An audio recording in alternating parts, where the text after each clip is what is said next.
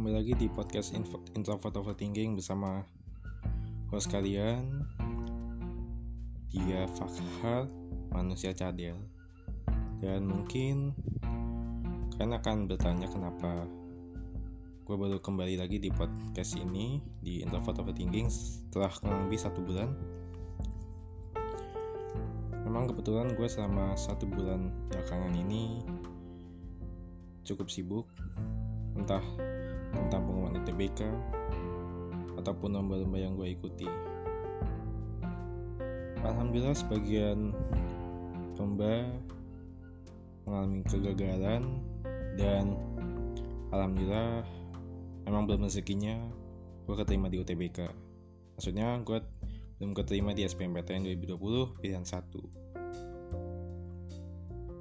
Nah mungkin ini akan berkaitan juga dengan tema yang akan kita bahas kali ini sama host kalian yang cadel yang mungkin kan sudah menyadari hal ini. Sama host kalian yang cadel kita akan membahas tentang kegagalan. Mungkin ini akan dirasakan oleh sebagian orang juga tentang kegagalan entah kegagalan dalam bentuk gagal masuk tes ataupun kegagalan dalam mendapatkan sesuatu. Tapi sebelum itu, kita akan mencari apa itu definisi dari kegagalan itu sendiri. Kalau menurut istilah awam, kegagalan merupakan suatu bagian di mana kalian tidak berhasil. Dalam artian entah mendapatkan sesuatu ataupun gagal dalam suatu tes ataupun suatu ujian masuk atau bahkan dalam bisnis. Itu kegagalan dalam istilah awam. Kalau gue cari in, di sini di Google tidak ada istilah bakunya dalam artian tidak ada istilah kegagalan yang resmi. Tapi mungkin akan gue cari apa definisi gagal dalam KBBI Defini, definisi kata gagal di sini adalah tidak berhasil tidak tercapai maksudnya. Atau bisa juga misalkan gagal ginjal kronis, penyakit ginjal dengan penurunan fungsi ginjal menahun, atau gagal total, gagal sama sekali. Ah, kegagalan perihal gagal ketidakberhasilan.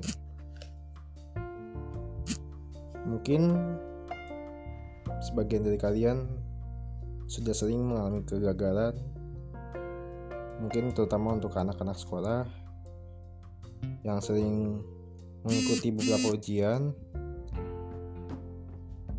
Mungkin kalian sudah sering mendengar kata remedial di mana remedial itu berarti kalian dianggap gagal dalam suatu tes.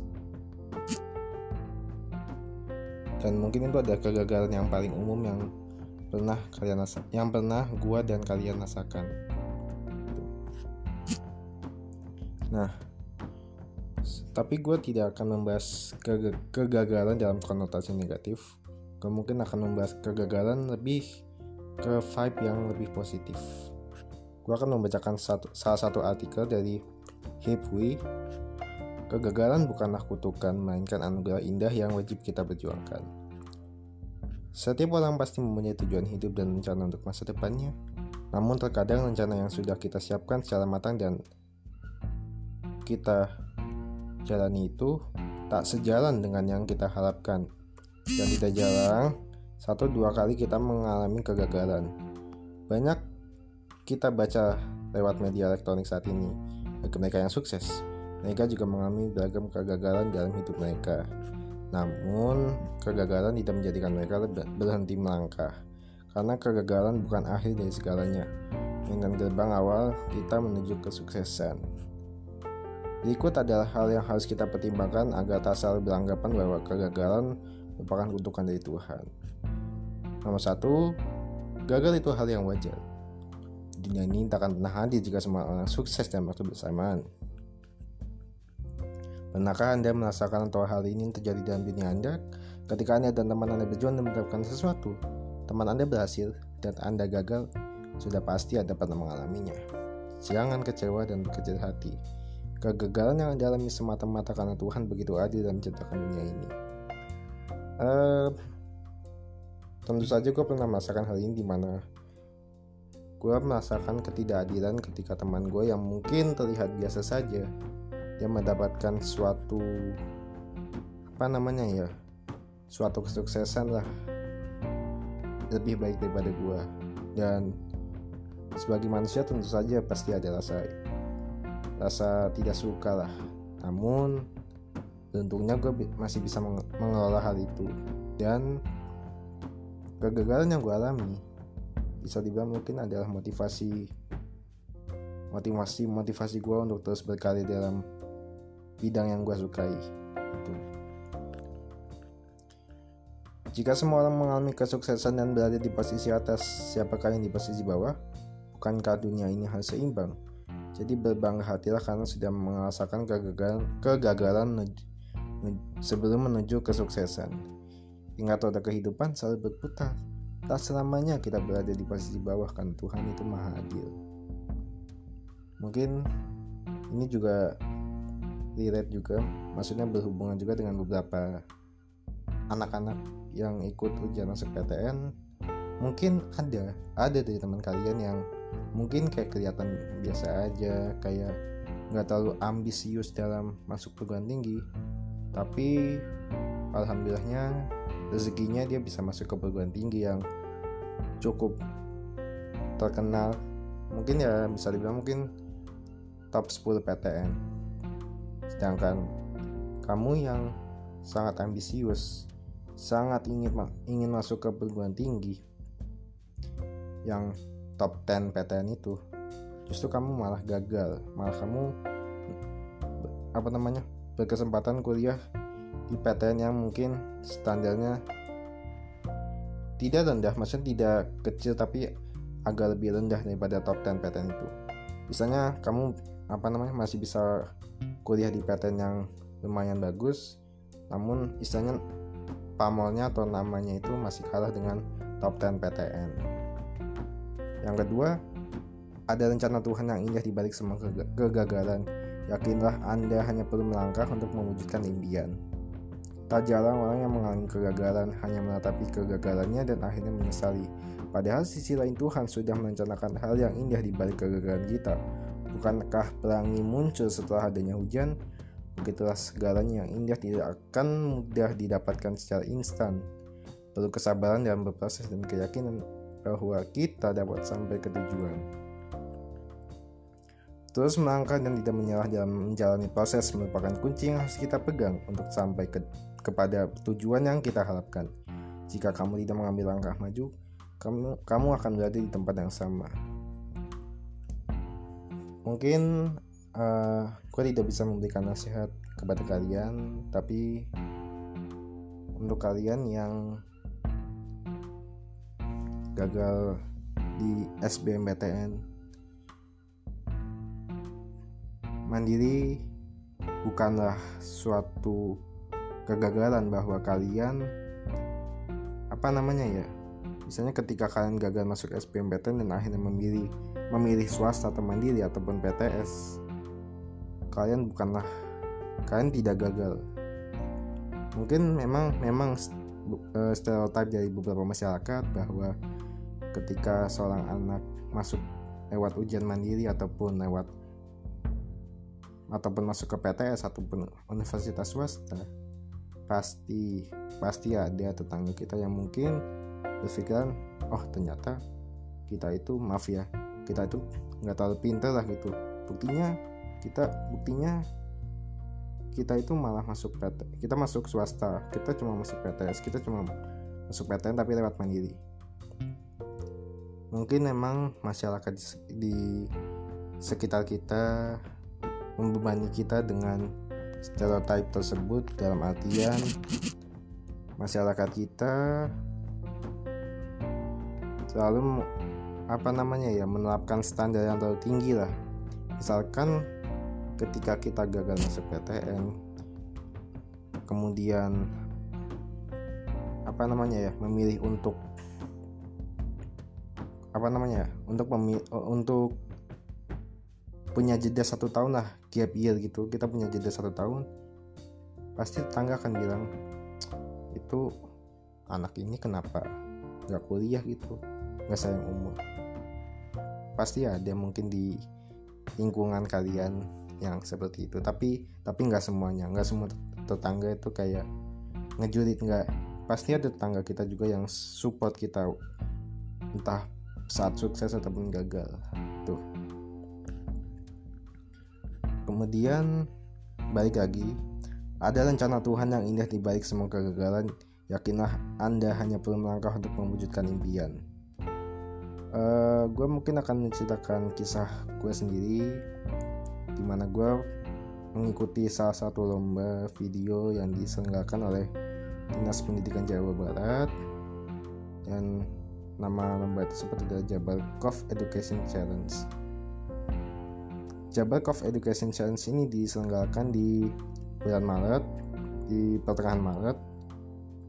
Pengumumannya tanggal 20 April dan mungkin kalian tahu alhamdulillah gue gagal tidak mendapatkan tiga peringkat sama sekali peringkat satu dua dan tiga namun gue semak, semakin tertantang gue gue bertanya pada diri gue sendiri apa yang kurang dari video gue apa yang kurang dari dari apa namanya dari yang gue siapkan? Setelah gagal itu gue mencoba untuk membuat yang lebih baik lagi lebih baik lagi. Pada saat pembuatan video kedua yang gue yang gue apa namanya gue persiapkan untuk lomba gue meras gue sempat ingin menyerah gitu. Gue ingin berhenti untuk bikin video kedua ini. Tapi gue gue nggak tahu kenapa punya firasat punya keinginan yang kuat untuk menyelesaikan video ini dan alhamdulillah video yang selesai gue mendapatkan peringkat satu di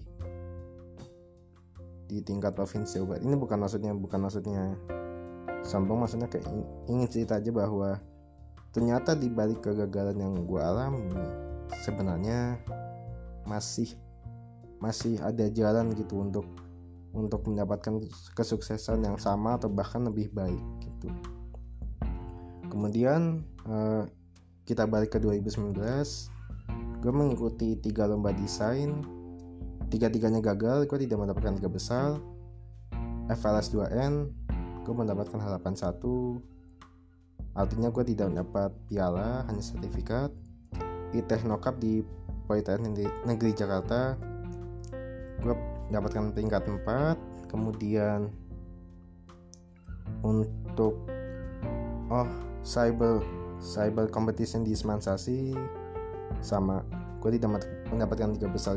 Kalau nggak salah gue peringkat 4 atau 5 tuh. Tapi tapi mungkin ada cerita unik juga. Pada tanggal 22 September tepatnya hari Minggu Hamin satu sebelum uh, pelaksanaan UTS gue dikontak oleh salah satu universitas di Semarang bahwa gue berhasil mendapatkan peringkat 3 dalam lomba desain branding universitas tersebut. Artinya gue gue sebenarnya waktu itu punya dua pilihan uh, mendapatkan maksudnya uangnya ditransfer ke rekening kita atau kita yang datang ke sana. Dan gue memilih untuk datang ke sana yang uniknya lomba ini gue ikutin dari bulan Januari 2019 tepatnya bulan 1 dan gue gue sendiri tidak ber, tidak ini apa namanya mengharapkan yang harus juara harus harus menang gitu harus mendapatkan liga besar. Enggak enggak ada. Misalnya kayak ya kalau menang ya menang kalau kalah ya kalah. Dan bisa dibilang pengumumannya juga cukup unik juga karena 8 bulan setelah lomba gue baru diberitahukan. Gue sendiri seandainya nggak tahu hal itu mungkin ya ya gue malah biasa saja gitu nggak nggak sampai kayak penasaran buka webnya terus uh, apa namanya ya menantikan informasi enggak gue tuh kalau lomba kayak ngirim apa namanya ngirim filenya ngirim uh, desainnya ataupun video gue kemudian udah gue nggak pikirin gue menang atau kalah yang penting kayak ya udah gue submit aja menang ya menang kalah ya kalah gitu. Kalaupun kalah ya masukin di portofolio aja. Oke kita kembali ke topik utama kita. Kita lanjutkan nomor tiga. Keyakinan untuk berhasil juga merupakan sahabat untuk melawan kegagalan. Mempunyai keyakinan untuk berhasil pun sudah membuktikan bahwa kita adalah pejuang kehidupan yang berkualitas karena keyakinanlah yang membawa kita percaya bahwa kita bisa melewati kegagalan. Keraguan secuil kuku dapat membelokkan hati kita dari rasa percaya diri akan kemampuan yang akan kita miliki. Rasa percaya dan keyakinan yang kuat untuk berhasil juga merupakan doa untuk lewati kegagalan. Bertindak positif dan mempunyai keyakinan bahwa kita bisa merupakan modal utama untuk bisa bertahan dari kekecewaan atas kegagalan yang kita alami. Jadi kita bisa karena percaya. Uh, gimana ya gue gue tidak punya komentar dengan statement ini karena gue juga terkadang merupakan orang yang cukup tidak percaya diri. Terkadang gue suka insecure dan ya jadi gue tidak bisa memberikan komentar yang banyak di statement yang ketiga ini. Kita ke nomor 4 kita ada di dunia untuk rencana ilahi. Jangan pernah kalah dari kegagalan yang terjadi.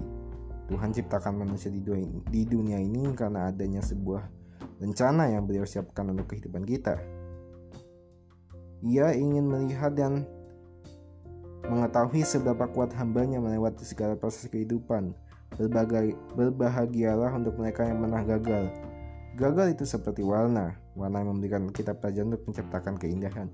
Banyak hal yang kita dapatkan di kegagalan. Salah satunya adalah rasa syukur karena kegagalan menjadikan kita pribadi yang kuat dan percaya bahwa rencana Tuhan pasti indah pada waktunya. Karena dalam kehidupan kita manusia hanya bisa berdoa dan berdoa, sedangkan Tuhanlah yang menentukan segalanya. Uh, di nomor 4 ini bisa dia mungkin bagi kalian yang Islam mungkin ketika menjelang UTBK ataupun menjelang pengumuman SBMPTN mungkin banyak yang Islam jadi lebih rajin gitu mendekatkan diri kepada Allah. Dan mungkin yang agama lain juga sama semakin rajin untuk beribadah semakin rajin untuk berdoa kepada Tuhan. Sebenarnya itu nggak salah itu nggak salah. Itu bisa dibilang adalah hak manusia untuk meminta meminta sesuatu kepada sang pencipta. Tapi kalau saran gue memang uh, kalau bisa diingatkan untuk ibadah bukan maksudnya untuk 100% untuk dunia enggak. Uh, kalau dari nasihat gue jangan terlalu berekspektasi pada dunia ini.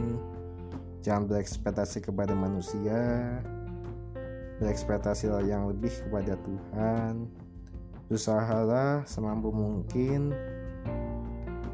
Berdoalah semaksimal mungkin. Karena manusia ya tidak bisa 100% diharapkan. Yang bisa diharapkan adalah Tuhan kita. Karena bisa dibilang mungkin ya logika manusia sangat berbeda dari logika logika manusia sangat berbeda dari logika Tuhan. Dan mungkin gue juga sudah sering mengalami hal ini di mana ketika menurut gue nih logika gue uh, gue nggak bakalan menang ataupun gue bakal gagal. Tapi logikanya sang pencipta ini bisa mematahkan argumen atau pemikiran gue mungkin sih mungkin akan berhubungan juga dengan kisah gue di tahun 2018 ketika gue mendesain poster dengan tidak niat. Karena waktu itu gue sedang ada seksi tingkat kabupaten. Pada saat itu gue nggak punya ilmu yang cukup untuk apa namanya untuk ikut lomba. Jadi kayak istilahnya kayak aji mumpung gitu loh jadi kayak kalau menang ya menang ya kalah ya kalah gitu. Kalau logika gue poster gue jelek. Logika gue poster gue bakal kalah. Tapi ya tau nggak apa yang terjadi?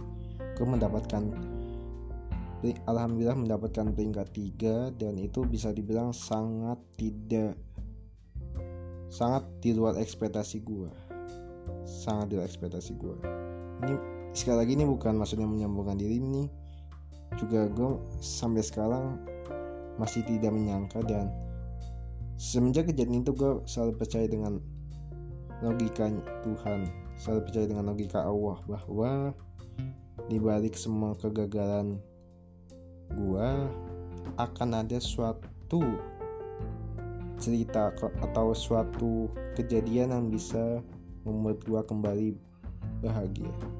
Entah dalam bentuk yang sama dengan wujud yang sama ataupun mungkin dengan wujud yang berbeda atau bentuk rupa yang berbeda tapi bahkan bisa setara atau bahkan lebih baik. Oh ya mungkin ini mungkin ini untuk seringan aja. Waktu gua di waktu gua lomba poster di SMA 1 Bekasi di tahun 2018 ketika gue mengikuti poster laptop gue sempat mati. Uh, bukan mati maksudnya aplikasi gue sempat mati dan bisa kalian tebak file gue file edit gue itu uh, tidak bisa dibuka. Itu berarti gue didiskualifikasi dan tentu saja gue gagal dalam lomba poster tersebut. Uniknya lomba poster yang gue laksanakan waktu itu tanggal 21 April 2018 di SMA 1 Bekasi. Kemudian tidak sampai satu bulan 12 Mei 2018 ketika gue mengikuti seleksi FLS 2N tingkat kabupaten Alhamdulillah gue mendapatkan peringkat 3 ini seakan bahwa kegagalan yang gue alami di SMA 1 Bekasi seandainya nggak gue alami gue mungkin tidak gue mungkin akan merasa nyaman saja ketika lomba FLS 2N di sama presiden waktu itu. Gue akan merasa kayak biasa aja nggak ada rasa tertantang gitu. Karena ya gitu gue sudah mendapatkan biaya ya udah.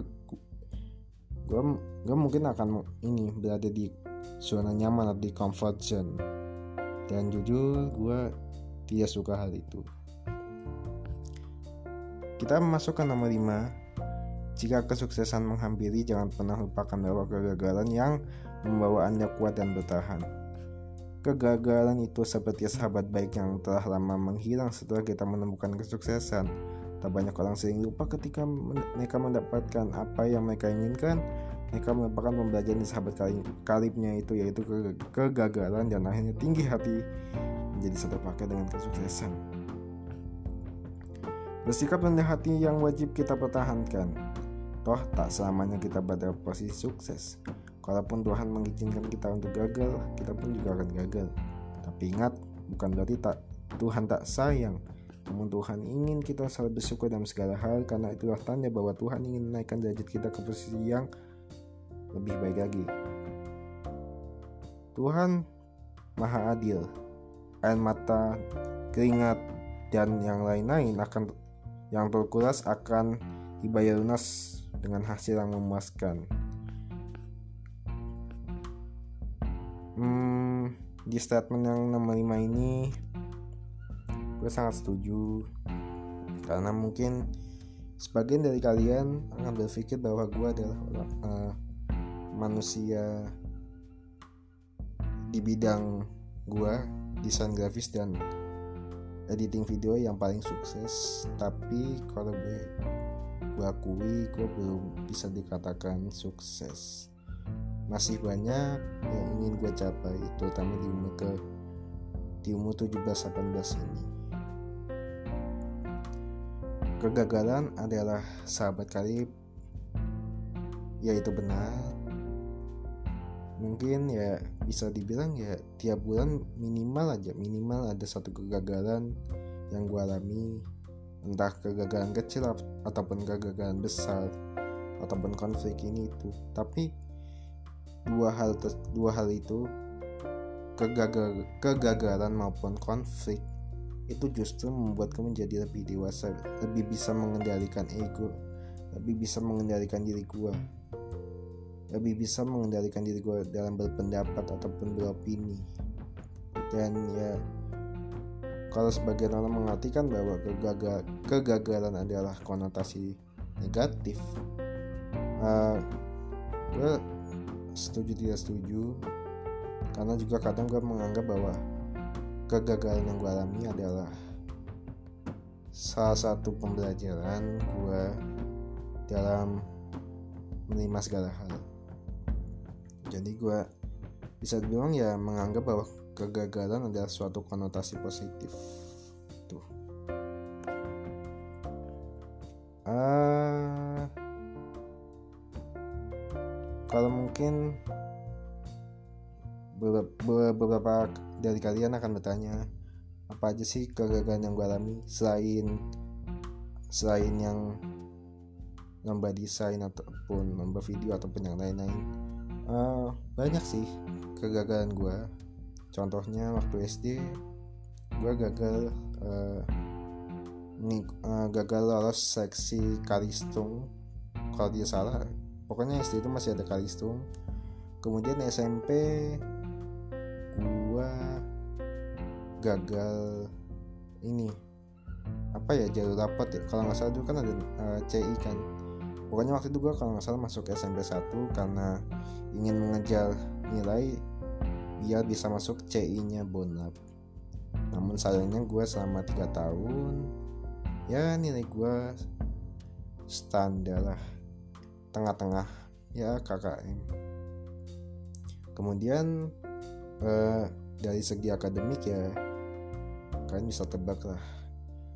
Matematika fisika fisika kimia biologi gua uh, matematika IPA bisa dibilang ya tidak pernah lolos remedial hampir nggak pernah. Nilai uas nilai PTS uh, bisa dibilang ya 70-80% ya gagal.